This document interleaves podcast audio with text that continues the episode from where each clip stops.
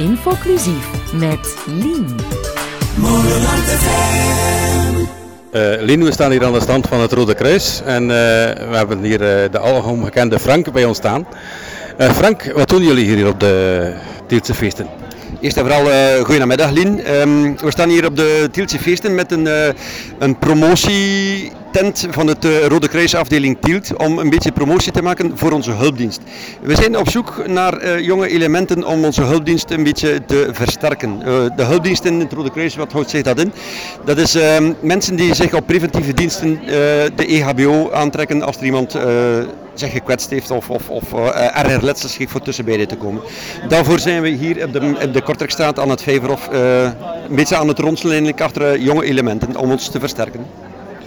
Jullie staan hier niet om de kast te spijzen?